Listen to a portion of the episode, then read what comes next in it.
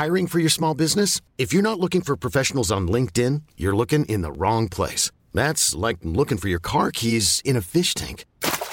LinkedIn helps you hire professionals you can't find anywhere else, even those who aren't actively searching for a new job but might be open to the perfect role. In a given month, over 70% of LinkedIn users don't even visit other leading job sites. So start looking in the right place. With LinkedIn, you can hire professionals like a professional. Post your free job on linkedin.com slash achieve today. Ever catch yourself eating the same flavorless dinner three days in a row?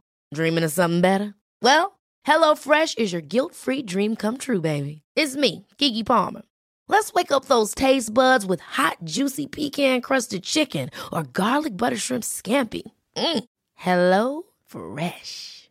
Stop dreaming of all the delicious possibilities and dig in at HelloFresh.com. Let's get this dinner party started.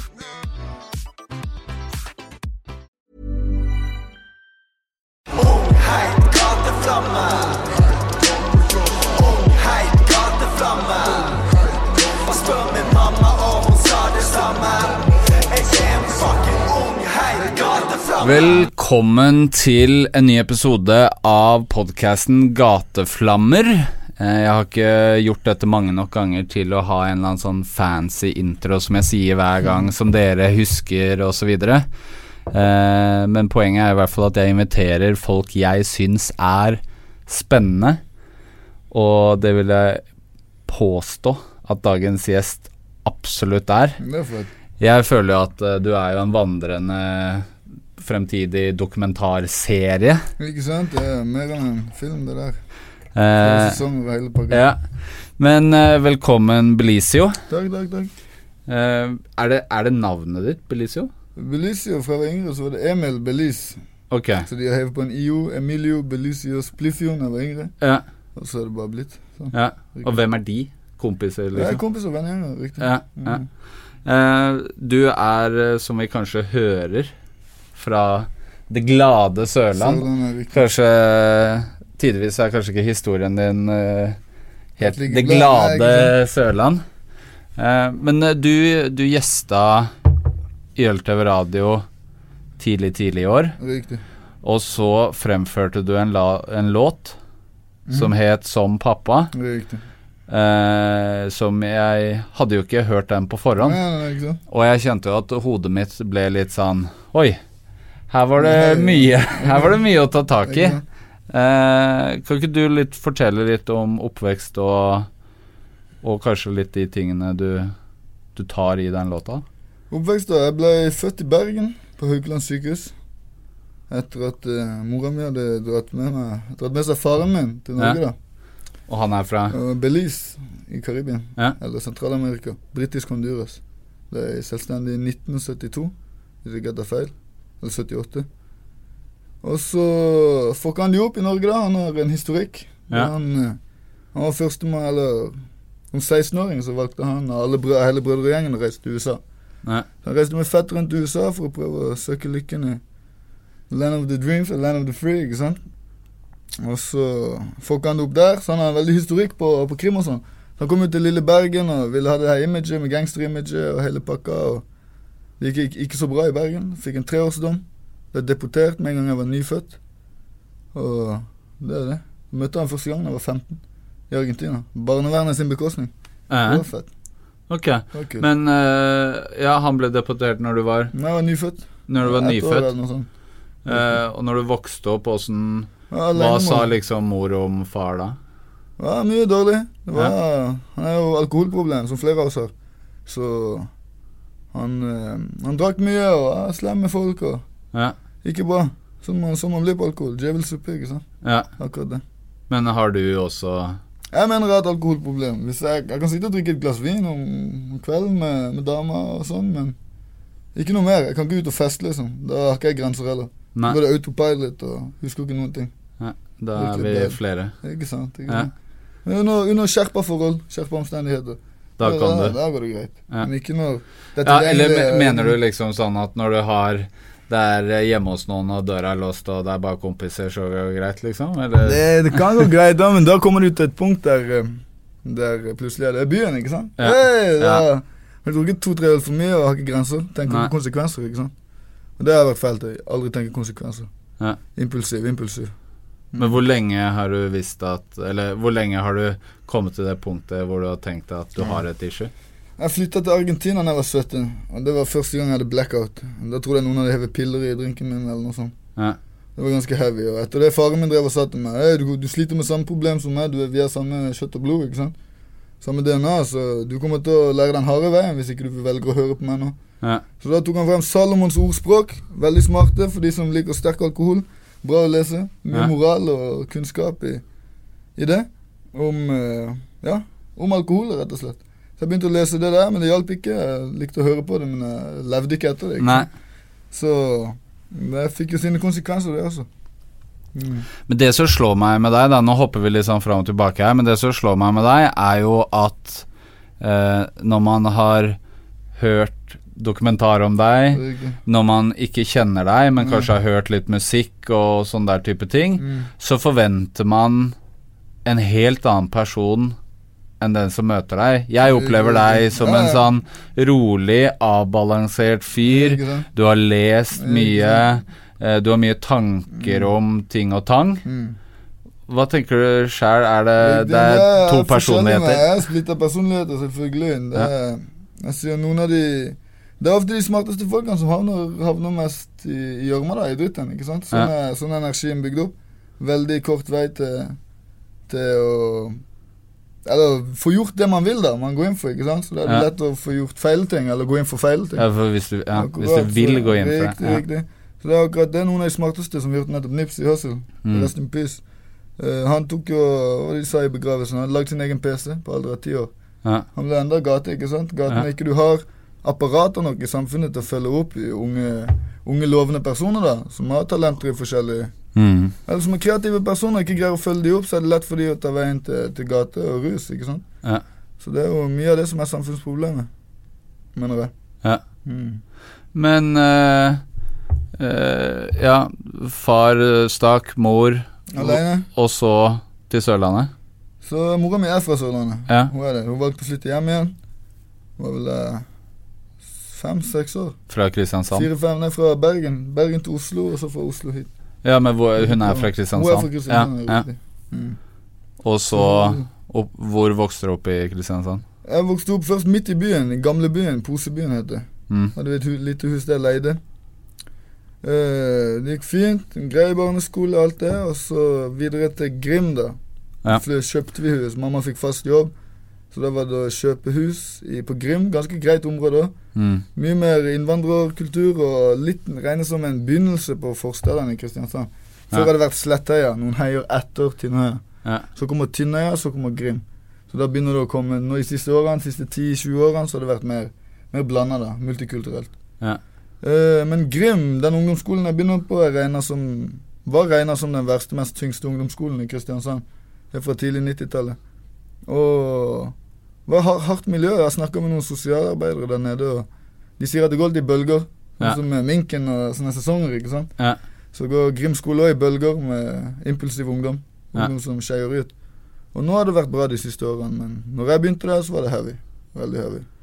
Og hva det- definer heavy? Folk har forskjellige Jeg begynte i åttende klasse der, og tiendeklassingene gikk med, med brown paper bags. ikke sant? Skulle Ja. leke gangstere med vodkaflasker i luftegården i pausen. liksom. Ja. Så Der var det ned i Kanalen, en lite område bak skolen, der alle satt sto og røyka sigg. Og de hardeste røyka spliffs, ikke sant? Av Ja. Så det var ned der å henge og skulke skolen, og læreren kom for å se etter, dere, se etter oss. Og etter hvert som vi, de, de første månedene da, i ungdomsskolen, så begynte jo vi å gå på fritidssenteret og møte andre ungdom som også begynte å skeie ut. Og det var der barnevernsbanden kom til. Ja. Og da ble det satt i gang mye tiltak, forebyggingstiltak og kjernegruppemøter og støttegrupper fra skolen for å bygge opp rundt oss, da. Prøve å skjerme oss, men de gjorde det litt på, på litt feil vis. Men hva føler Altså, det er et stort spørsmål, da. Mm. Men hva føler du var din Altså, man kan jo gå på den verste skolen i verden og fortsatt ikke bli påvirket Ikke av det. Hva føler du ved deg som gjorde at du fulgte den veien, da? Så jeg har alltid følt meg litt utenfor. Det jeg glemte å si, var at jeg begynte første klasse på en veldig hvit barneskole. Ja. På Lund i Kristiansand. Og alltid følt meg litt utenfor. Eneste med annen hudfarge på hele skolen. Og og sånn, og spesielt når når man er ensom eller ikke har, ikke har det, van, det vanlige familielivet der med mor og far, alle jobb, ikke sant, aldri har slitt med noen ting for motgang og og sånn så er det for, eller ja, for den personen så er det lettere da å, å ty til gata, ikke sant? Eller bli inspirert av forskjellige gater. Som jeg sier i dokumentaren også, så sier jeg, ganske, eller sier jeg tydelig at, eh, at det er mye gangsterrapp som har influert oss? Ja. eller inspirert oss til å bli som vi har blitt. Og sånn er det jo. Sånn ser du over hele verden. Det er samme greie. Og du kan velge Det er ikke så mange som snakker om det. Jeg har snakka litt grann om det her, da, men Mm. i, det er jo sånn man liksom ikke skal si. Ikke sant. Men jeg tenker også sånn Når man vokser opp i Norge, Mm. og så syns man det er litt spennende å gjøre gærne ting, og så oppdager man gangsterrap, og så tenker man Og så er ser man. Scarface for første gang, og så er tenker man hei, hva Det her virker jo mye kulere Mm. enn En enn det, en det de er snakker om på skolen. Og spesielt, som jeg, som jeg sa i stad, det er ofte de, de smarte personene. For det er de de føler de ikke blir hørt og sett, ikke sant. Ja. Det er ikke vanlig at unger er så smarte og så utvikla i en ung alder, så de skal gjerne drive med barneting. Men når ungdom i 12-13-årsalderen lærer å sjukoble biler, lærer hvordan de skal trykke på hemmelige knapper under kasse, kasseapparatene for å få de til å åpne seg, sånne greier, Ja. skjønner du at dette er ungdom med høy intelligens i forhold til andre. Ja. De andre vil leke, vi er ferdig utvikla, vi vil nesten plassere oss i arbeid, liksom. Ja. Det er det vi roper etter, nesten. Eller gi oss noe, noe bedre aktivitet og noe bedre tilbud. Ja. For vi, vi følte jo det. Vi ville gjøre det voksne gjorde. Var det voksne som kjørte bil, ville vi kjøre bil. Røyka voksne sigaretter, ville vi eh, røyke sigaretter. Alkohol, vi fikk jo ikke kjøpt alkohol, så da var det å stjele alkohol fra baklageret. ikke sant? Ja. Åpna vi garasjeporten og lempa ut, sto andre kompiser og tømte hele lageret. Solgte vi alkohol til resten av ungdomsskolen i hele byen. Så det er jo det at vi, vi mangler rett og slett Det er jo en slags entreprenør, da. ja, vi var en entreprenørvirksomhet. BVB, det var sånn det starta. Vi hjalp andre ungdom til å få, til å få kjøpt alkoholen. Som de, de sto i flere timer utenfor butikker. 'Unnskyld, kan du kjøpe alkohol?' Unnskyld, så kommer vi fra baksida med alkoholen. ikke sant? Ja. Halv pris, så hadde vi nok til røyking, så hadde vi nok til, til å drikke. Ja. Det var fett. Fette tider. Ikke at det var riktig, da, men det var, var gode minner den, den perioden. Men det er det man lærer av. Jo, men man Jeg tenker jo sånn Eller man må jo Man må jo liksom eie sin fortid, da. Riktig, det akkurat det. Det er jo viktig, men Og det er jo forskjell på liksom Jeg forteller litt ting som man har gode minner rundt, selv om det kanskje ikke var ok. Ikke sant? Og så er det jo selvfølgelig en grense med ting som virkelig ikke var ok. Helt sant. Men eh, ja, dette barnevernsmannen kan vi Jeg vil egentlig at vi bare snakker litt om det. Ja, det for jeg føler at den Folk kan høre den dokumentaren. Og jeg føler det er vel ikke noe vi kan si her Ja, som riktig. kanskje ikke er sagt før. ja, selvfølgelig. Bare snakk om han. Ja. Det, det som jeg sa, det begynte jo med ungdomsskolen. ikke sant? Ja. 8. klasse. Vi begynte å få flere kontakter i flere av de andre delene av byen. Sånn som Justvik har vært et ganske berykta sted i Kristiansand fra i 10-20 år. En gammel nynazistkultur. Mm. Eller nynazistvirksomhet der oppe. Og dette var da ofte yngre fra den garden som hadde vokst opp med storebrødre eller eldre i miljøet der, som var litt sånn litt høyrevred i tankegangen. Men eh, så begynte vi å henge sammen da, flere, eller flerkulturelt fra flere deler av byen, og det var det som danna barnevernsbanden. Var det folk fra de gamle, tidligere nynazistmiljøene som hadde vokst opp med litt rare ideer? Så var det oss med andre gangsterideer, og det var både hvite, brune og alle farger. Barnevernsbanden bare var de hardeste av de hardeste. Vi ble frykta når vi skulle på utefester i skogen. Ikke sant? Å nei, der kommer de, ikke sant. Ja. Det er de liksom Vi ville være de hardeste av de hardeste. Det var alltid sånn. Unnskyld. Eh, de hardeste av de hardeste. Og det ble jo ikke sånn at hvis en stjal én bil den dagen, ville den andre stjele to biler den dagen. Ja. Å, jeg har tjent så mye penger på å selge alkohol i dag. Å, hvor mye har du tjent? Å, jeg stjal en kasse med øl der, og Ikke sant? Det var Ja. konkur konkurranser som flere av barnevernsbandene, eller to, i hvert fall to av de, husker jeg, de tok jo Da var det folk som hadde vitna da, så det kom ut i avisen. 14-åringer som dragracer på veiene, ikke sant, på Ja. natta. Hadde de to 14-åringer, stjålet hver sin bil, skulle Race, dragrace som var kjappest. Ah, Ja. Min bil er kjappere, ikke sant. Ja. Det er jo ganske syke historier. Mens andre Andre var hjemme og spilte GTA i den alderen, så var vi ute og levde GTA. Lekte GTA, ikke sant? Ja. akkurat det. Det var skikkelig fett. Og vi måtte jo ha penger for å få For å leve som vi ville leve. Ja. Så Der kom krim, krimmen inn, da. ja, men det var det jeg fikk så Fordi Men barnevernsbanen ble dannet på barnevernsinstitusjon, eller var det Det allerede en greie? det, det, det, det var også som hadde blitt, sir oh, sorry, som hadde blitt sirkulert ut av barnevernet. Ja. De de ville ha under tiltak. Og sånn som det begynte, var at jeg, jeg var vel en av de første i Kristiansand ut ifra vår vennegjeng som ble plassert på korttidsinstitusjon. Ja. Der det er veldig lite individuell oppfølging. Der det kan være at eh, Det er ikke noe langsiktig en, nei, tanke, Ikke sant? Som jeg og Donny snakka om det her i går også. Mm.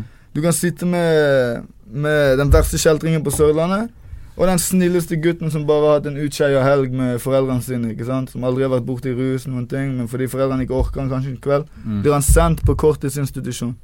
Så når de to blir satt sammen og møtes, så er det ikke rart at eh, eh, den andre syns, Da syns jo den andre det er kult. Da føler han Mm. han har blitt gjort noe feil mot av systemet. ikke sant? Da har han Mm. blitt plassert på et galehus for ungdom. Ja, men Da skal jeg i hvert fall skeie ut. Da vil jeg i hvert fall være rebell. ikke sant? Mm. Så det ligger jo litt der at det, den individuelle oppfølginga ble veldig lagt til side. Det ble ikke gjort noen ting individuell oppfølging av barna. Mm. Og der fikk de tankene, eller blanda ideer, ikke sant, og miksa ideer, og kom ut de verste av de verste. Som var barnevernsbanden. Alle, til og med folk som har blitt plassert på Sørlandet, østlendinger, og hang med oss, og som, eh, som bare, ja, følte for skeie ut, rett og slett. Ja. Ville si ifra. Det var et skrik om hjelp, på en måte. ikke sant, At ikke de fikk det de trengte. Ja, fordi men når jeg hadde deg på radioen, og vi snakket om barnevernsbanen da, så uh, ble du litt sånn i blikket når man Ja, sier barnevernsbanen gjentatte ganger. Riktig, det- Så virker det som at du har sånn anstrengt forhold til det. Ja, men det er riktig. og så skøyt du også inn at det er medieskapt. Riktig, Barnevernsbanen er ikke, det var ikke en bande. Det var ikke det. Helt sant. Nei. Det er media som skapte det. De skapte det navnet. Vi var bare en vennegjeng. ikke sant? Ja. Følte vi ikke ble hørt. Følte at vi, vi trengte en måte å si ifra på. Og og sånn det var. Greia var De kom opp med det navnet etter flere av oss hadde blitt plassert på institusjoner rundt om, og de viste vi hjalp hverandre med å rømme, hjalp hverandre med de greiene. Så er det jo en greie Media fisker det på koken med en gang. Barnevernsbanden, ikke sant. Hører Ja. navnet? Skikkelig catchy. Det høres ut som en film, som du sier. Ja, ja. Og alle, jeg tror vi hadde over 50 50-100 forsider på de største avisene i landet. ikke sant, på sitt Ja. verste. Kompisen min var med, eller var, gjorde, utførte et bankran som 15-åring på en mindre bank i Kristiansand, utenfor Kristiansand. Sorry. Og han, eh, han var 15 år når det skjedde, og han fikk forsida. Hadde han bare hatt en Mm. sånn der eh, En sokk sokk over eh, ansiktet. ikke sant? Mm. Så, så vi så han jo, vi som kjente han, så jo at det var han. Mm. Jeg var, ikke, jeg var på rømmen i Kristiania i Danmark når det skjedde. Så jeg inn, logga inn på, eller så inn på VG, da Mm. så ser jeg bestekompisen min sitt, sitt fjes på bankran i Kristiansand. Det var ganske sykt. Jo, men det er jo eh, Altså eh, Jeg har ikke vært mors beste barn, men jeg har jo ikke vært i nærheten av det der, da.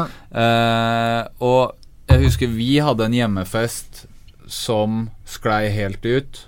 Og det var en politibil som sto i brann på slutten. Riktig. Og da var det jo forsida av VG. Mm. Og da Politibilen sto i brann. Ja. Og det Hvor gammel var du da? Ja, Hvor gammel var han da?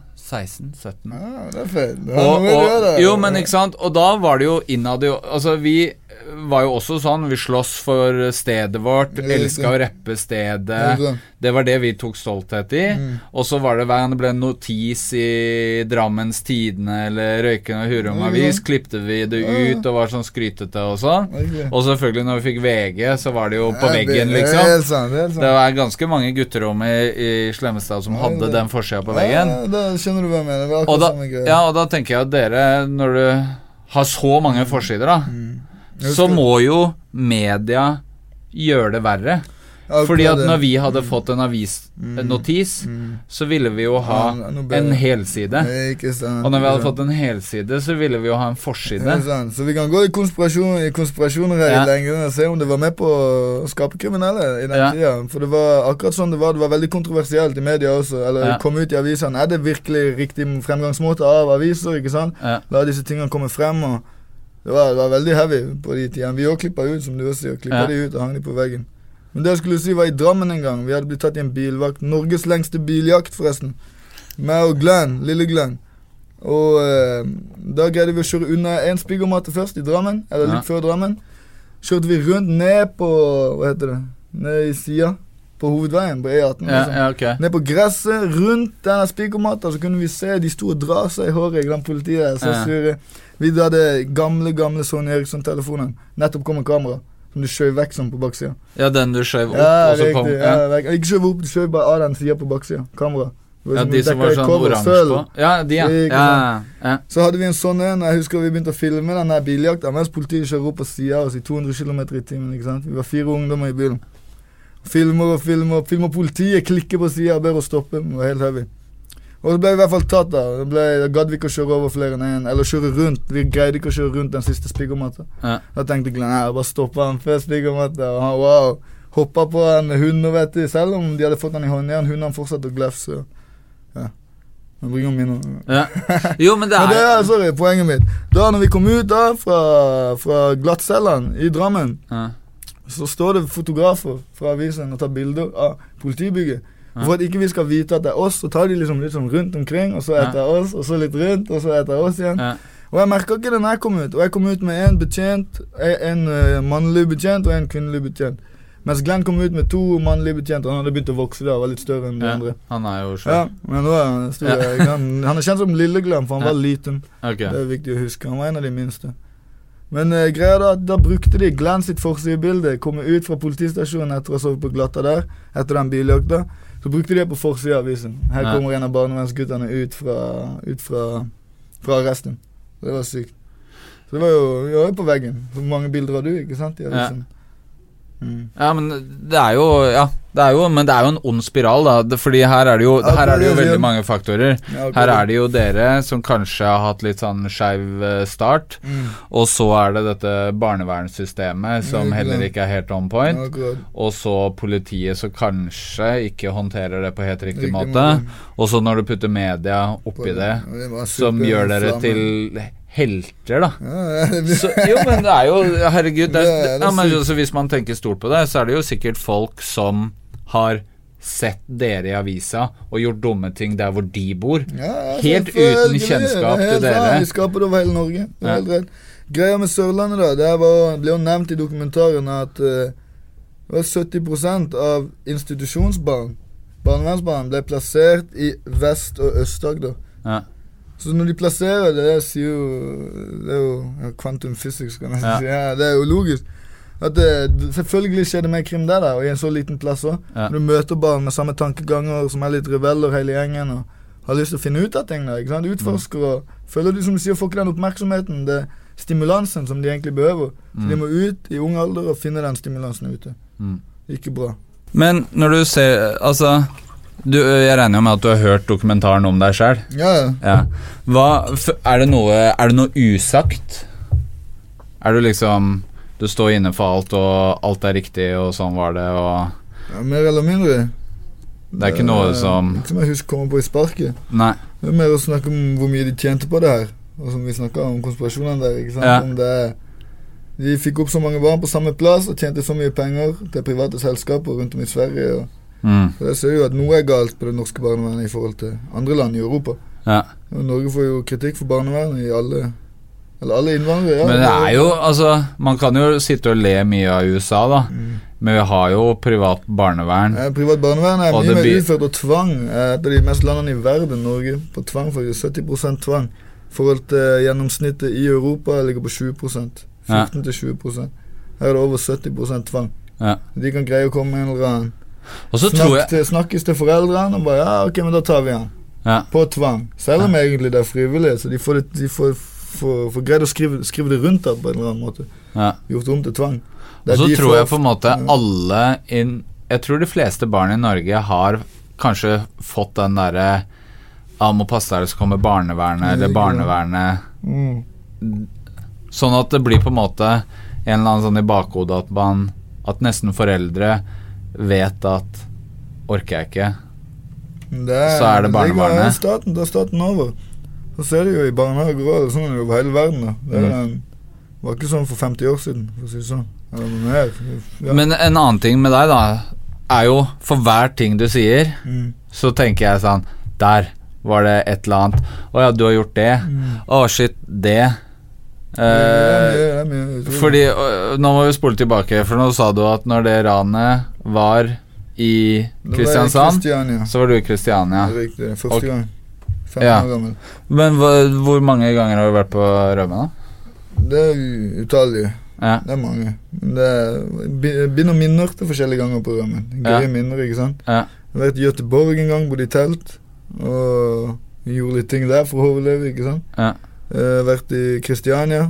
Var, jeg trodde ikke på en kompis. Det var en fra Stavanger som var plassert under barnevernet i Arendal. Bodde jeg òg i Arendal. Begge to under barnevern. Mm. Uh, og da sa han at det fantes en fristad i, i, i, uh, I i København? København der det var Der de kan røyke og ha det fett. da Ja. Trodde ikke jeg på han. Så kom vi inn Vi kom der på kveldstid, så hadde de satt opp sånn fakler inn i sånn liten hemmelig inngang, og så skikkelig mystisk ut, som Harry Potter. Ja. det er de ene ja. kommer inn i sånn bakgate, det er en trollmann Ja. Sånn føltes det. Det lukta bare weed overalt. ikke sant? Det Ja. var skikkelig fett. Jeg husker jeg digga det. Da var jeg liksom den kule. Kom jeg tilbake til Kristiansand. Ah, 'Jeg har vært en plass der Ja, det, du har vært, du har vært på Hogwarts. jeg det.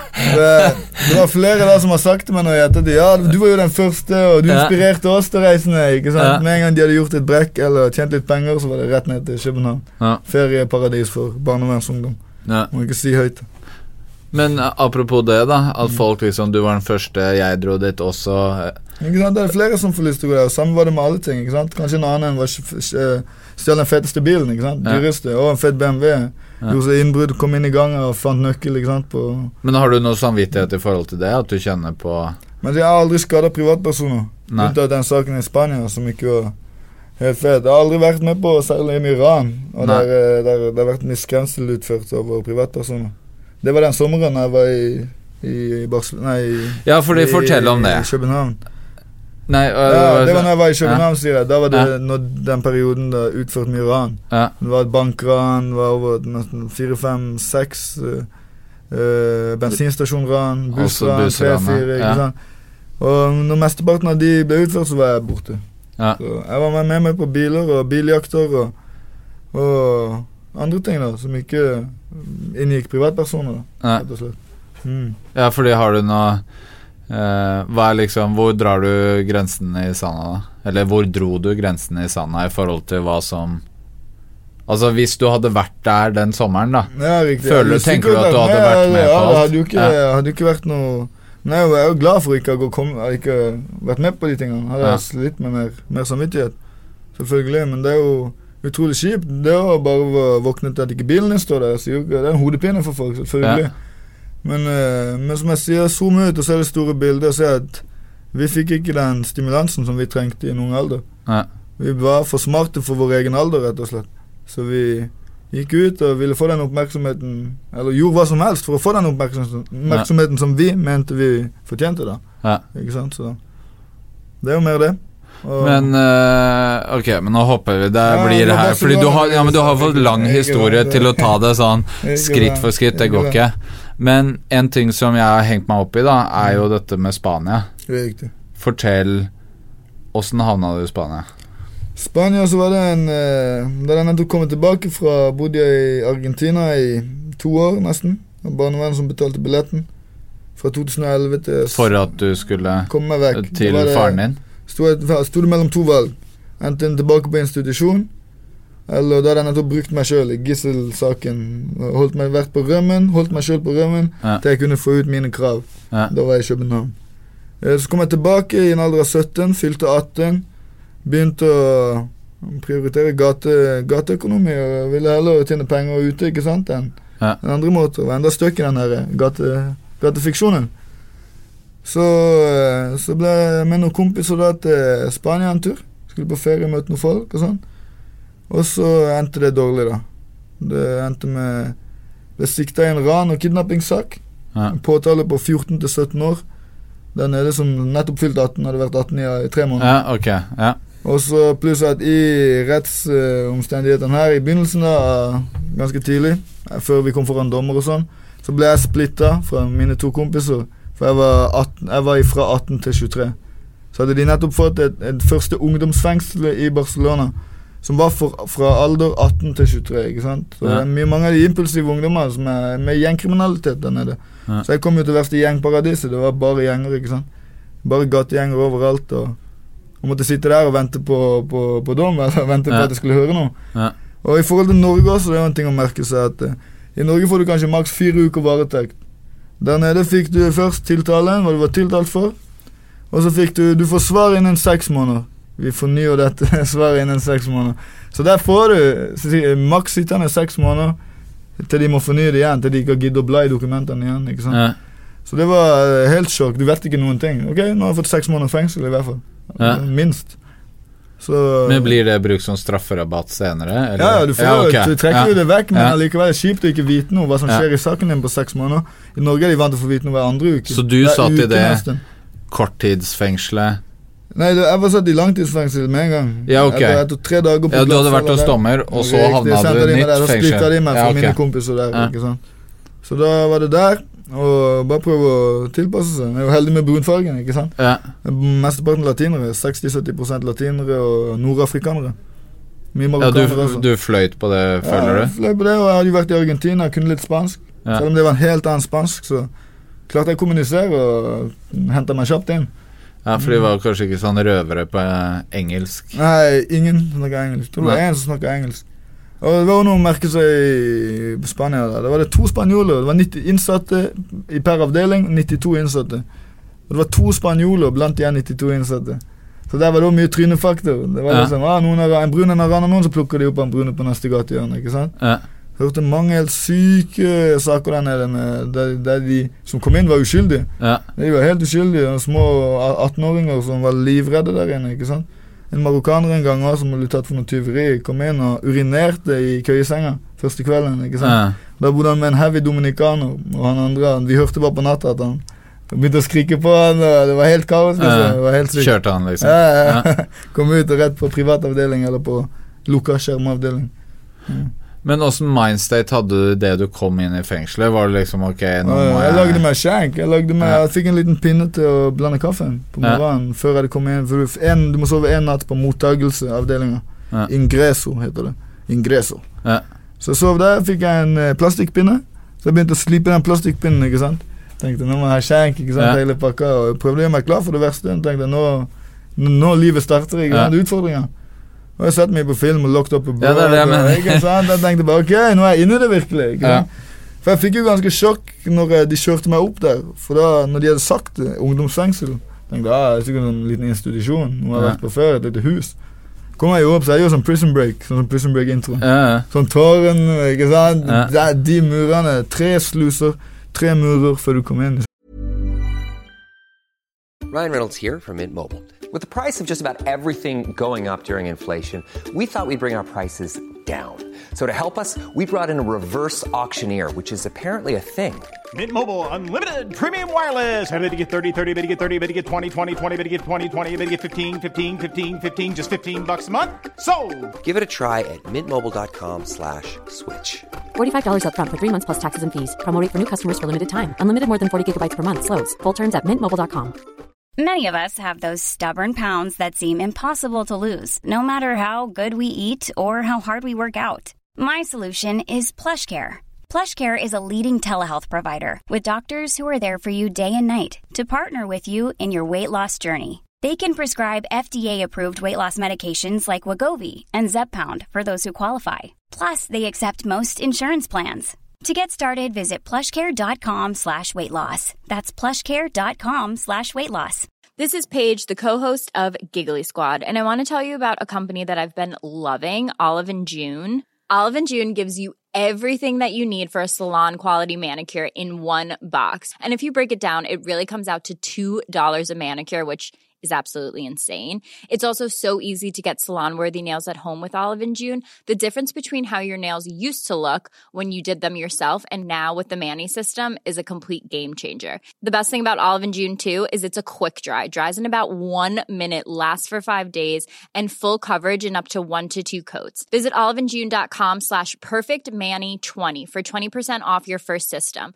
That's oliveandjune.com slash perfectmanny20 for 20% off your first system. Ever catch yourself eating the same flavorless dinner three days in a row? Dreaming of something better? Well, HelloFresh is your guilt-free dream come true, baby. It's me, Kiki Palmer. Let's wake up those taste buds with hot, juicy pecan-crusted chicken or garlic butter shrimp scampi. Mm. Hello Fresh. Stop dreaming of all the delicious possibilities and dig in at HelloFresh.com.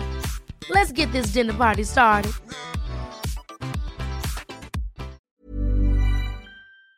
Prøve fengselet. Ja. Så det var heavy, liksom. Veldig stolt av det. Nybygd i 2009. Så, De var stolte av det. Ja, ja. Derfor de plasserer en internasjonal fange. De Ja. prøver jo å gjøre det fett. Mm. Eller vise, vise hva de har. Ja. Men uh, de Var det Ble det så hardt som du var redd for, eller var det uh, ikke som han gikk med. Nei. Jeg greide å flyte ganske fint på min bølge og respekterte andre og var ikke idiot. Det er et ord i Spania som heter pinta mona. Ja, Til og med vakter og innsatte hater pinta monas. Det det, du er malt der, eller du, du liker å male deg sjøl. Du liker å skille deg ut. Du liker å være noe mer enn Ja. andre. ikke sant? Gå rundt og skrike og 'Hva ser du på?' Øy, ikke Ja. sant? Vaktene hater det, og de innsatte hater det. Der er det respekt mellom gjengene òg. Hilse på hverandre og ikke, ikke kom med attitude, liksom. Ikke kom og tro du er noe. Og de, det var de som oftest fikk merke det av de mer etablerte fangene. ikke sant? Ja. Kunne være tilbake og slicing med barberblader og forskjellige greier. Ja. Men uh, mens jeg satt på min avdeling, så var det ganske rolig. Mye fights, men aldri noen alvorlige alvorlige hendelser. Nei. Men jeg var vitne til når jeg kikka ut fra vinduet, for jeg hadde vindu ut imot gågata. Du nesten sette på et bilde av luftbilde Ja. av fengselet. Uh, ut i gågata i fengselet så kan du se de komme fra andre avdelinger til sykehusavdelinger, f.eks. Og da så jeg en som hadde blitt slisa opp hele ansiktet, åpent liksom inn til munnen. Ja. Og han hadde fått en barberblad rett over, rett over trynet. Og det var avdeling tre og fire, Verde i Rojo. Det var de to verste avdelingene i, på min, på, i vårt fengsel. Så det var de to, og så var det to helt greie avdelinger. Og det var gjenger som kontrollerte i alle avdelingene, men Mm. det, det var liksom standard. Litt på, på levestandard, levekår. At på de an- ille så var det ingen som hadde penger. Så derfor slåss de for mye mindre. ikke sant? 'Har du sigg? Bommer du med ikke sigg?' Da var det fight hvert sekund. Mm. Mens de andre så var det litt mer folk som er litt mer intellekt. da. Og det var det vaktene som skilte ut. Ah, er du idiot? Er du pintamana? Liker du å tøffe deg? Da blir du sendt ned på en av de ille avdelingene. ikke sant? Mm. Kan du tøffe deg med alle hundene der nede. Mm. Der er det bare sånn. Alle slåss for ingenting. Mens de andre, der var det mer penger som gikk i de to andre avdelingene. Der var det folk med penger, folk som Mye business. ikke sant? Men hva måtte du ta noe Måtte du hva, Nå er vi jo inne på sånn filmaktig Ja, ja. greie, da, men måtte du ta noe var det, Måtte du henge med en gjeng, liksom? Jeg valgte dominikanerne. Ja. Patria Sangre Libertad. Fordi de uh, Trinitario, Maras, uh, Trinitario uh, 42 og 38. 32.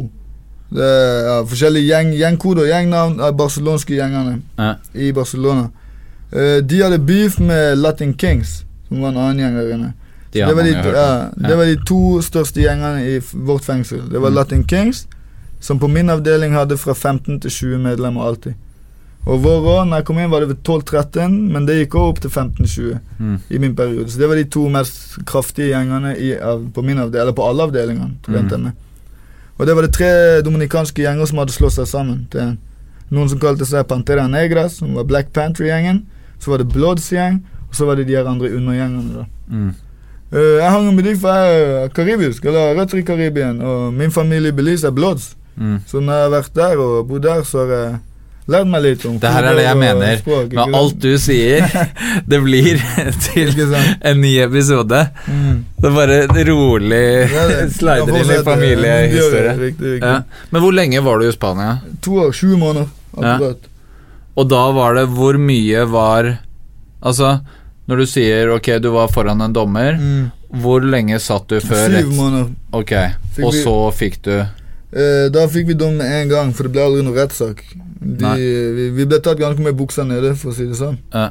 Så greia var at de, de tok oss med til en dommer. Vi skulle bare i rettsmøte. Det var første gang jeg så de her etter nesten syv måneder. Mine kompiser. Som var Ja, okay. Ja. Enda mer heavy fengsel igjen. ikke sant? Ja. Der det var selvmord og drap hele tida. og heroinmisbruk. Nesten tvang deg til å begynne å røyke heroin. ikke sant? Det var for at du skal, Hvis du er utenlands, tenker de ja, han har penger i utlandet. Ja. Blir han hekta på heroin? Så, ikke sant? Ja. Det var mye syke greier. Men ja, første gang jeg møtte de i hvert fall Oi, sorry, Da fikk vi fem minutter. Først foran en dommer med, med ambassade fra Madrid som kom. Mm. Og da sa de ja, vi vil tilby dere seks år hver. Vi var tre stykk. Og eh, dere får fem minutter til å diskutere det. Hvis ikke kan dere gå videre til rettssak. Mm. Så vi fikk fem minutter, og det eneste de ville snakke om, var hvor mye rus de hadde, og hvor fett de hadde det der. Se den bønna vi fikk inn i stad. Har du bønner? Har du ikke bønner? Du skulle sagt ifra. Vi kunne tatt med til det. Mm. Bare sånn prat. Så plutselig gikk tida, kommer de inn igjen og sier ja, dere må bestemme dere, har dere bestemt dere? Så vi bare på hverandre der. Bare, ja, ok, vi bestemmer. Vi tar, må ta imot seks år. Mm. Så da gikk vi derfra med seks år, istedenfor påtalen lå på 14 til 17.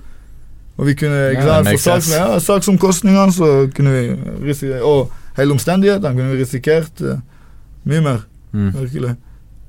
Men det var det jeg gikk tilbake og kunne si fra til alle Jeg var med, ja, endelig ferdig. Nå jeg, har jeg i hvert fall fått en tid. Ja. Og i Spania så er det prøve på en fjerdedel. I Norge Nei, permisjon på en fjerdedel. I okay. Norge er det på en tredjedel. Ja. Så i Spania fikk du faktisk mye mer, i hvert fall for unge, Ja. så var det mye mer aktiviteter og ting du kunne gjøre. Med en gang du kunne fått ut dommen, så, så fikk du et klart perspektiv på ting. Ja. Hvor lang tid du hadde til det, de forskjellige godene. Og nå må du oppføre deg bra i et par måneder, og så får du permisjon, eller sånn. ikke Ja. sant? Og det er helt motsetning til norsk kriminalomsorg. Det jeg skjønner hvorfor jeg, no- Hvis jeg skal sammenligne de to, så er Norge helt ræva. Ja. På oppbygging og forbe- eller eh, hjelpemidler inne for innsatte. De har ikke noe håp, de har ikke noe drømmer. Det er helt svart i enden av tunnelen. Det er ingen Du får ikke noe klart eh, bilde av situasjonen du sitter i. Nei.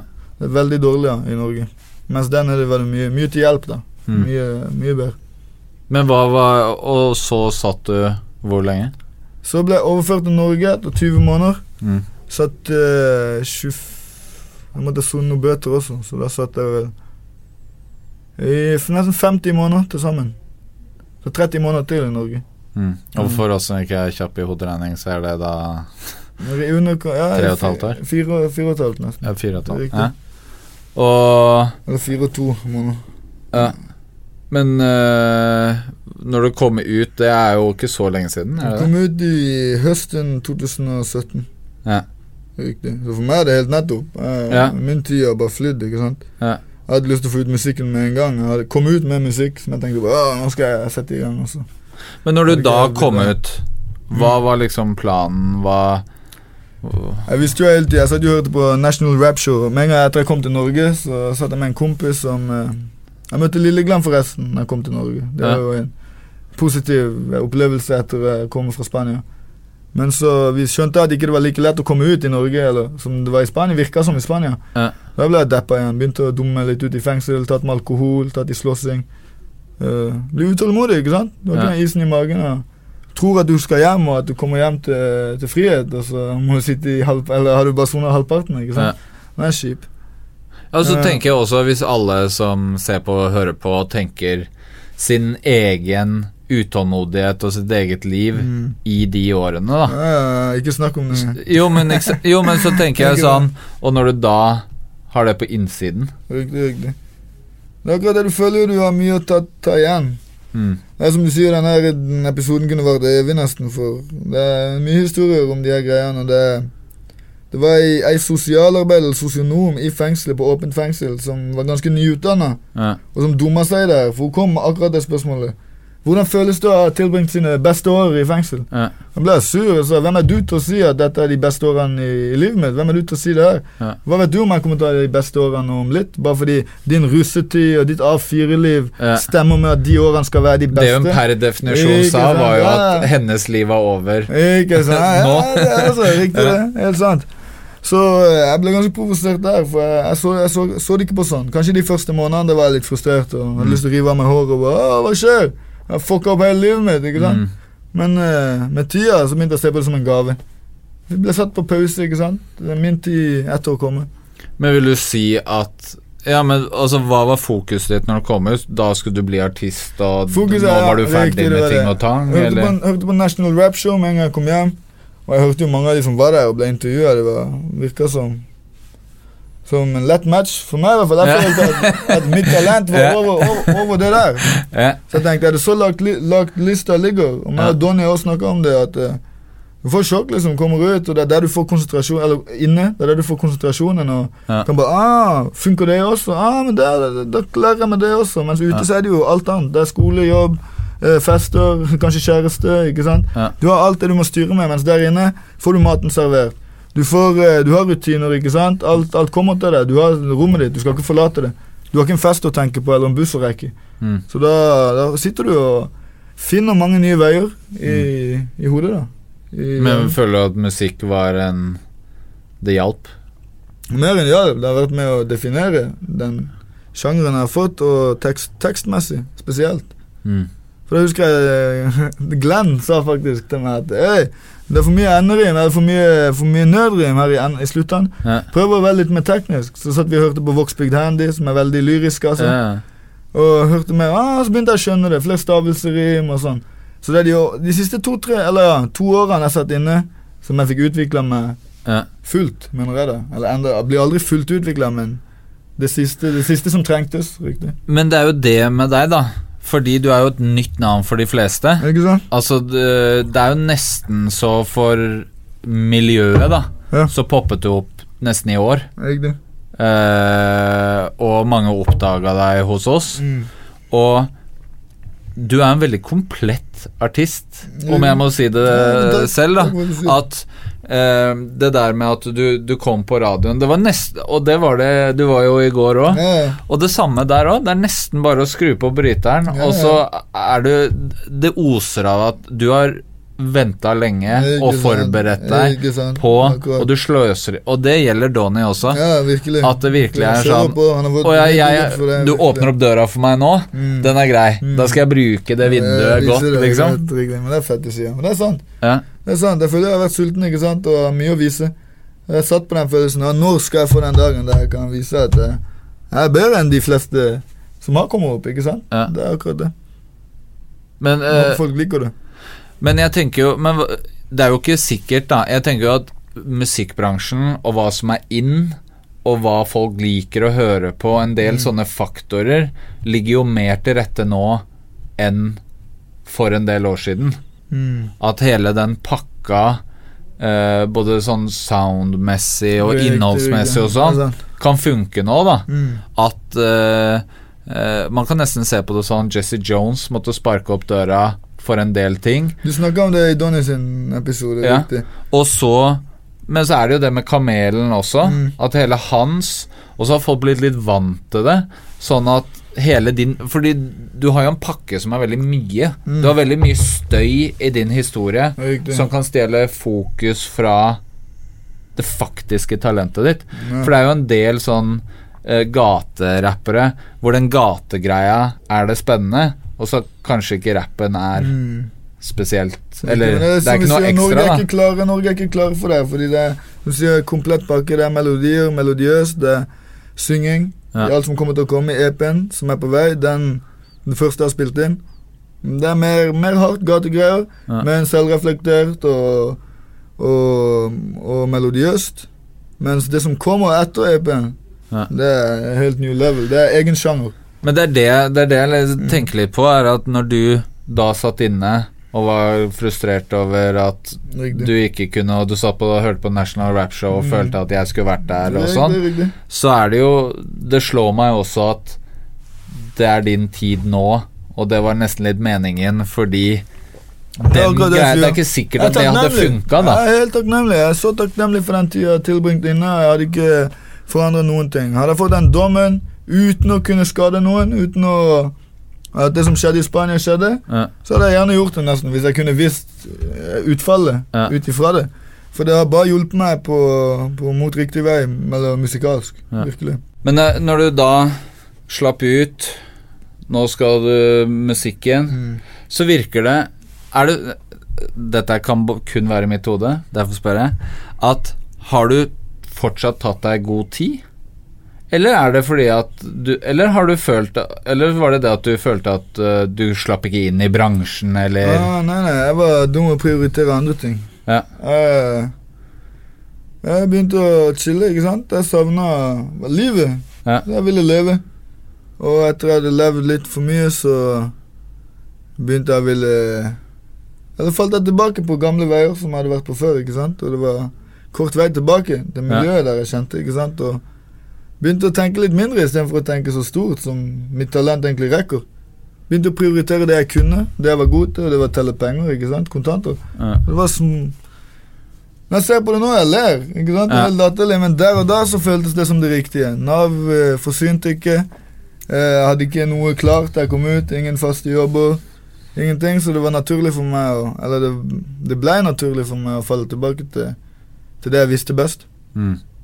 Men så før jeg har fått noen eh, wake-up calls, i fjor i hvert fall, godt i fjor, Ja. i fjor vår, Der jeg har greid å kaste med meg, kaste av meg den gategreia. da. Ja. Og tenker ok, nå er jeg større enn der, jeg er bedre enn der, et nytt nivå. ikke sant? Fokuser på musikken. Da kommer frukten etter hvert. Men hva, hvilket miljø er du en del av, føler du? Altså, hvor spiller du inn, og hva, hvem er dine mentorer og Ja. samarbeidspartnere? I Og... miljøet, gatemiljøet. Nei, jeg tenker musikk, da. Musikk Ja, det hørte jeg. Ja, Det eh, hvis politiet det- følger med, så Det. Nei. Jo, men eh, fordi at du virker så alene. Selv om nå, når liksom du dukker opp eh, hos oss og andre steder, og så ser man at du har Sørlandet i ryggen. At jeg ser at liksom alle de andre spillerne fra sør, rappere, produsenter, folk jeg Ja. veit fra miljøet, de er veldig sånn Belicio, endelig skjer det. det. Men samtidig så virker du veldig alene, da. Ja. Hva jeg mener, For du er jo ikke en del av et crew eller en gruppe, Nei, nei, men det, er eller sant. det er fordi jeg har ut, utvikla meg sånn med tid. Jeg har vært en del av flere rappkollektiver i yngre alder. Ja. Vi var flere som rappa da vi var yngre. Eh, blant annet en som heter Filipe fra Holmlia. Vi lagde en EP, et album, når vi var 16-17. Ja. Og som vi mente var, var skikkelig rått. Men så er med årene så er miksen ikke helt der han skal være. Men de kommer sikkert. Slipper Lost Tapes Ja. en gang i fremtiden ikke med alt det gamle. Som flere har sagt i kommentarfeltet så er det jo 'Å, sjekk ut de gamle sangene dine', og Ja. sånn der. Men, eh, men det har bare blitt sånn. Jeg var heldig å møte Ken Evil, som jeg mener er en av Sørlandets beste produsenter. Kanskje beste. Og har Eh, fingrene en del De som vet, de vet-type Ja, riktig. Det, det, er bra greier. Og vi, vi, vi bonda bra der. Og fant ut en idé for en EP. Og den ble til i fjor vår. Og så ble den vel mastra ut på høsten. Masteren var ferdig, og så har det vært litt i snakk om eh, hvordan jeg skal slippe den. Mm. Taktikk, om jeg skal slippe singler først, eller bare slippe hele EP-en. Jeg hadde veldig lyst til å bare slippe alt med en gang. mm. Men så har råd kommet fra andre. Kanskje slippe en singel til, en singel til, bygge opp til det EP-en. Men så er det jo til at jeg har lagd mye fetere sanger etter det igjen. Mm. Så blir jeg skeptisk igjen. The rap curse. Ja, Ikke sant? Så har jeg hørt de for mye. Mm. At eh, de har blitt kjedelige for meg, men de er kanskje ikke kjedelige for resten. Så de kommer nok. De fleste av den EP-en kommer, og så kommer vel albumet etter der. Ja. singler imellom her og der. Men, eh, men eh, vi slapp jo Greie meg greit Mm. på YLTV.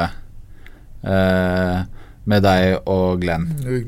Eh, og da begynte det Da var det Det var allerede litt snakk om deg her og der. Sånn virkelig sånn under overflaten. Og så kom den låta. Og selvfølgelig, den er jo veldig preget av litt sånn sjokkfaktoren. Akkurat Ikke sant? Det var i tråd med bar Barnevernsbanen-dokumentaren. Og den starter med avisklipp, og den liksom Den er spiller jo helt klart. Det er flashing av litt våpen, og den er veldig den klisjeen, da. Mm. Ehm, og så begynner det å bli litt sånn snakk om deg. Hvordan Hva tenker du om Åssen var det? Når du har sittet og venta så lenge på Det var fett, men så Når jeg ser tilbake nå, så har jeg kanskje handla litt seint igjen. Jeg prøvde å handle med, med is i magen, ikke sant? Ja. men jeg skulle kanskje fylt opp det med flere singler rett etterpå. Ja. Men jeg Ikke at jeg angrer på noe. Jeg har tatt den tida jeg trenger, og det kommer likevel ut. Det er bare Folk Ja, og så ble det jo stille igjen. Det det sier. Og så har du vært og liksom deala med litt Snakka med litt musikkfolk og sånn. Mm. Og så spontant gjesta du radio hos oss igjen. Mm. Og så gjorde du Den uh, pappalåta. Ja, riktig, riktig. Og folk som hadde dannet et inntrykk Ja. av at det var greie meg greit og litt ignorant, Ikke sant? plutselig får den i fleisen og bare Oi, her var tekst. Hva, hva er greia her? Og i mange miljøer som likte den virkelig. Jeg fikk Ja. masse gode tilbakemeldinger fra flere store skikkelser i musikkmiljøet som jeg har hørt på. Som jeg har vokst opp med på Swish ikke sant, i Ja. 1000 og, Fra jeg var syv-åtte år. Hadde jeg hørt på de her sangene. Så, kom, så det er jo dødsfett for meg å få, få anerkjennelsen som jeg følte jeg trengte. Eller følte jeg behø- fortjente. Ja. Uh, hva mer skal jeg si? Jo, men Det- så er det jo sånn Så får tingene du gjør, Mm. får views og får oppmerksomhet Altså sånn I en tidsalder hvor ting i Norge Altså nesten hits Mm. har 3000 views på YouTube, Mm. så beveger dine seg i 10 og 20 og sånn, da. Sant? Og, og jeg tenker jo, selv om du har mange støttespillere, så får du mer kjærlighet enn hva støttespillerne skulle tils sant? tilsvare, og du er leser i kommentarene at folk er sånn. Endelig er det Det dette vi venta på. Mm. Virkelig. Men, Det men Det det virker jo. Det er jo gøy. Gøy at folk, folk liker det. Det er jo det jeg har følt at det har vært hele veien. Mm. Det har vært en lang utvikling tekst, tekstmessig og, og ikke minst melo, melo, melodiøst, eller melodisk. Ikke Ja. sant? Virkelig. Ja, fordi det også, når man ser eh, du poster ting på Instagram, Mm. så er det jo det du slipper, er jo veldig hardt. Mm. Og så er du i studio og synger reggae. Yeah. Så det er jo ja. Det er det jeg skal gå på det musikalske, hvor jeg begynte hen. Ja. Så, så er jo jeg som det hører i som pappa-låter og, og videre, så bodde jeg i Belize en periode. Ja. Mora mi var, hadde aldri møtt min familie, selv om hun hadde litt grudge mot min egen far eller mot faren min. Så valgte hun å ta seg en litt under et år, ja, halvt, eh, syv, syv måneder ferie i Belize, eller bo Ja. der vi bodde i Belize. Etter vi hadde vært på ferie der først et par ganger, eller en gang. Så gikk vi tilbake dit, og jeg bodde der, ble kjent med fettere, familie. Fikk lov å henge rundt min familie. Men familie. ikke faren din. Faren min var i Argentina. Han var i Argentina. Ja, ja. Her er det jeg mener. Det er tre nye episoder bare i den setninga. Men eh, i hvert fall, så jeg begynte å henge med fettere, og som mora mi sier det var, Hun er kjempeglad. Hun er så glad for å ha tatt meg med dit for at jeg kan bli kjent med mine røtter, men samtidig så var det kanskje feil alder. Mm. Eller i feil alder. For samtidig som hun var kjempeglad, så er det noe av det verste hun har gjort også. For det var der jeg fikk smaken på gangsterimage og, og hang rundt gjenger, gjengmiljø, uten at hun visste det. da Hun satt hjemme mens jeg gikk til andre, andre hoods, der fetterne mine bodde, f.eks. Ja. Gikk jeg og hang der med de en hel helg, og hun trodde vi var inne og chilla. Men jeg fikk lov å være med på litt eldre greier. da Var rundt der og drakk, og første gang jeg fikk eh, Fikk ordentlige jenteerfaringer med fine jenter på fester. ikke sant Jeg bare wow, de her er jo 18, jeg er 12-13, ikke sant Ja. Veldig kult, spesielt. Joints eller blunts ikke sant som gikk rundt. Og våpen og alkohol. Så Første gang jeg spydde. Ja. Første gang jeg drakk ordentlig. Ja. I.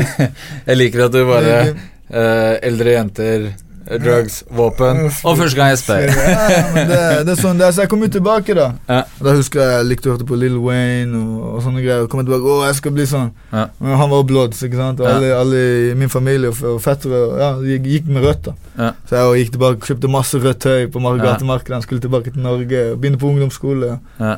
Så det var alt det, hele settingen ikke sant? Det var kanskje litt feil rekkefølge. Ja. Du kanskje venta til midt i ungdomsskolen. Ja. Da hadde jeg kanskje ikke, hadde, kanskje ikke fått det, den tanken Å, nå skal jeg tilbake og bli gangster, Ja. ikke sant? Ja. pushe drugs og Og så er det jo sånn at den ene som har noe erfaring utenfor hjembygda, Ja. blir den kule som Ikke folk strekker seg til også, da. sant, Det er jo den klassiske at det er en Mm. på skolen som har en fetter som bor der og der, og sånn og gjeng, ikke sånn, sant? og så Ja.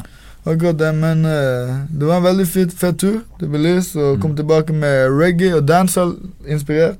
Det var det jeg ville gjøre. Ja. Første teksten jeg skrev, var i Belize. var tolv. Ja. Eh, kom jeg tilbake, prøvde å skrive mer på dancehall og engelsk. Var ikke så god, kunne litt. Og det er det det har gått i de siste årene. Mye engelsk, blir bedre og bedre. Prøver engelsk uh, ordforrådet. Blanda med karibiske, det er ettertoner, undertoner fra Belize. Med, med fete uh, Ja, så du har en engelsk ambisjon? Jeg, jeg begynte på engelsk. Ja. Hele meg starta på engelsk. Ja. Jeg kunne ingenting på norsk.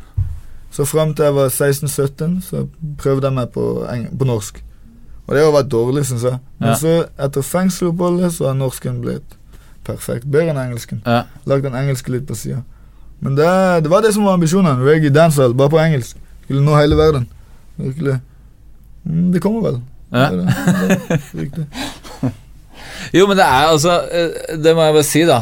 At du har jo på en måte alt til rette for at det her skal gå veien. Ja, det. Fordi det er jo en sånn utommelig kilde av livserfaring og talent Mm. og Og det må jeg også si nok en gang, når vi liksom trykka record på radioen, og når du kjørte sammen med. Med Eller- Nei, og når du kjørte liksom Cypheren, da, sammen med. Angelo og Michael. Mikael, så der også hadde Det var Jeg følte at du hadde holdt på til vi hadde sagt Stopp. Nå må du holde kjeft, Ja, liksom. Ikke sant, Ja. Og at det liksom er mye innestengt som bare skal ut. Det- Og da det- føler jeg kanskje at det er litt dumt at du sitter inne med musikk. Ja, det virker det som det burde være smartere for deg å Bare bare tida. få ting ut, liksom. Akkurat det. Altså, jeg har lagd Ja, to EP-er, ja, to album nesten. Ja. Hvis jeg setter de sammen nå og setter meg ned, så er det vel mellom ja, 30, rundt 30 sanger, kanskje. Ja. Det, det er de å gjøre ferdig, pluss at det var nettopp i studio nå. Kom fra Thomsen til studio. Ja. En fet Ja, du jobber en del med han nå? Ja, i det siste har jeg begynt å jobbe med han. Han Ja. er for, veldig forståelig på melodier, og vi bygger hverandre, fyller hverandre ut. da. Det er der jeg ser du gjør det mest melodiøse, skamløse. Det virker sånn. Det er der det Ja, skjer. ja, Hvis jeg kunne synge så høyt. Nei. Han bare jo, prøv, prøv å gå opp litt. til». Jeg bare «Åh, ja, Ja. opp der. Ja. Det var veldig gøy. Veldig spesielt. Men eh, ok, men nå eh, Vi må jo wrappe opp det her. Er- folk, hvis du liker det, skriv i kommentarfeltet at du vil ha mer Belizio. Ikke. Men eh, nå som du har fått litt buzz, da, Mm. og det har du Det er jo ikke sånn at du har buzz landet over, Nei, nei, nei. men du har fått en sånn litt sånn god start, en litt Ja. buzz. Folk snakker litt om deg, folk folk i miljøet rette Litt sånn gatekeepers Ja, har lagt merke til deg. Akkurat, akkurat. Eh, er det jeg, Eller jeg veit jo at det er mange som hopper i DM og vil eh, ditt og datt og har noen tanker om hva du skal gjøre videre, og Mm. Ja, ja, sign med oss og i det hele tatt. Hva, hvordan forholder du deg til alt det der? Uh, men jeg kom ut med mye kunnskap, mener jeg. da, Kunnskap og visdom. Ja. Jeg mener, som jeg sa, både som meg person og som musikalsk, så har jeg utvikla meg veldig i fengselet. Jeg kom ut med, med tanker om at jeg, jeg visste at alt det kom, kom til å skje. Og det er jo bare hvem du vil du hva, Hvem vil du være, da? ikke sant? Ja. Hvilken person vil du stå frem som? Det er jo det alle kan prøve å være noe de ikke er, og kanskje det funker en stund. Og, da de vil finne ut at ikke det funker. Og sånn har jeg sett mye rappere som ikke De går for mye hardt i den gategreia. Som jeg, jeg har det jo en del av livet mitt. Ja. Og jeg skal ikke angre det vekk heller, for da hadde jeg kanskje ikke vært den jeg er i dag. Nei. Men uh, vær den du er. Ja, for, eh, Vær den blir, du og er du litt sånn Når jeg kaller det gaterap Mm. og, og, og liksom drar det den veien, er du litt sånn Nei, eh, jeg er mer enn Jeg mener det er mer enn gaterap. ikke sant? Jeg, jeg ser på det på en helt annen måte. Jeg har vært der. ikke sant? Jeg er forbi det. Jeg er en ny level, ny, ny, ny Hva skal jeg kalle det? Utvikling. En utvi helt annen utvikling. ikke sant? Komme til en helt annen plass der jeg vil heller prøve å hjelpe folk til å forstå. Men veien videre, er det sånn eh, er du, Leter du etter liksom team og plateselskap og alt det der, eller tenker Det er, du det er at litt du skal usnakkes, men det er- begynner å komme på, på gang nå, tror jeg. Ja. Tror det begynner å ordne seg. Vært inne og snakket med noen folk. Som er, folk vet at jeg samarbeider med Leo. Mm. Leo har vært en god støttespiller, og var som hjalp meg med, til å komme på deres. Mm. Og som pappa og hele pakka. Og, og vi har en liten plan. Ja. Det er det. Virkelig. Så bra. Mm. Ja, ikke sant, ikke sant? Nei, men jeg bare Jeg gleder meg til å følge med, og, og som sagt, det er eh, Det her går veien. Men det er bare Jeg også tror at det er viktig at uh, det er, Du må løpe og gå samtidig. At du må slippe musikk, sånn at det kommer regelmessig, og at det går skritt for skritt. Men samtidig, ta deg tid. Ikke liksom gå inn i noe før du Mm. Erfare og rett, bli bedre og Helt rett. Fordi jeg tror at hvis du bare slipper musikk og sakte, men sikkert bygger oppover, så er det ikke noe stopp, da. Helt enig. Det er ikke det. det er, som jeg sier, jeg kom ut fra, fra Spania med 300 prosjekter. Mm. Og det er la oss si en tredel, en fjerdedel fra de som er, som er halvgreie. ikke sant? Det er jo det. Ja. Nesten tre album der. Tre-fire album. Tenk om alle rappere hadde tenkt sånn. Ja, At det- ikke alt du har lagd, Nei, nei, du tar, fortjener å bli sluppet. Akkurat. Men du kan Ja. ta deler, ikke sant. Jeg var nettopp på foredrag med Ritza Laos, som har skrevet tekster for Michael Jackson og Whitney Houston. Det var Kristiansands Musikkforening, Surf, Ja. som hadde booka henne gratis, hele pakka, på eh, forelesning i Kristiansand. Så tre timer lang forelesning med henne her var kunnskapsrikt. Ja. Veldig bra. Ikke tro det finnes noe skrivesperre. Nei. Ikke stopp å skrive. ikke sant? Skriv, skriv. Hvis du skal skrive én sang til et emne, skriv fem til det samme emnet. Ja. Ikke sant? Da, da har du noe alltid. Du kan Ja. velge og vrake. Ja, men det verset var fetere enn det. Det handler om samme greia. Da kan du finne det beste av det beste. Kremen av kremen. Det Men hvor, hvor stort uh, avslutningsvis, da? Hva drømmer du om? Hvor, uh, hvor skal du? Hva Mine drømmer, som jeg sier, jeg bare kunne klare meg. Livet er ikke så komplisert som alle vil ha det til. ikke sant? Alle vil ha den glamouren og Ja. Som Jodski sa i, i Seiferen, at han tar det tilbake når ga, bare gamle damer rocker Moncler. ikke Ja. sant? Og det er litt der jeg føler jeg, Vi visste heller ikke hva merket var, de greiene her. Jeg, har ikke så, har ikke så store ambisjoner. Det verste merket jeg vet, er Nike Adidas. ikke sant? Det fineste. Husker når Moods of Norway kom? Det var litt populært, men Ja. jeg har aldri hengt meg på det. Nei. Men uh, jeg vil bare Norges kunne klare svar på. Ed Hardy. Ja, ikke sant? Ja. Jeg vil bare kunne klare meg da og overleve og ikke måtte trenge å risikere min frihet eller livet mitt for å gjøre det. Ja. Ikke sant? Ha det greit, jeg har ikke så store ambisjoner. Så får det komme med det, det som kommer. Er, jeg, har ikke, jeg har ikke mer å tilføre det. Nei, ikke sant? Men det er sånn det er. Folk, følg med. Det er alt jeg har å si. Ja, det, det er bedre enn å, å bli overraska når ting skjer, enn å ha høye forventninger og bli Ja. knust når det ikke skjer. Ja. Og det, det mange gjør feil. ikke sant? Tenk for Vit at du er god, men ikke tenk for stort og at ting vil skje kjapt. ikke sant? Ja. Vær heller, vær heller overraska når det skjer. Ja. Da, da blir ting bedre. Men det er jo ja, Vi må egentlig bare runde av, for jeg kjenner at det her kommer til å fortsette. I det. Men tusen takk for at du ville komme. Ja, takk for det.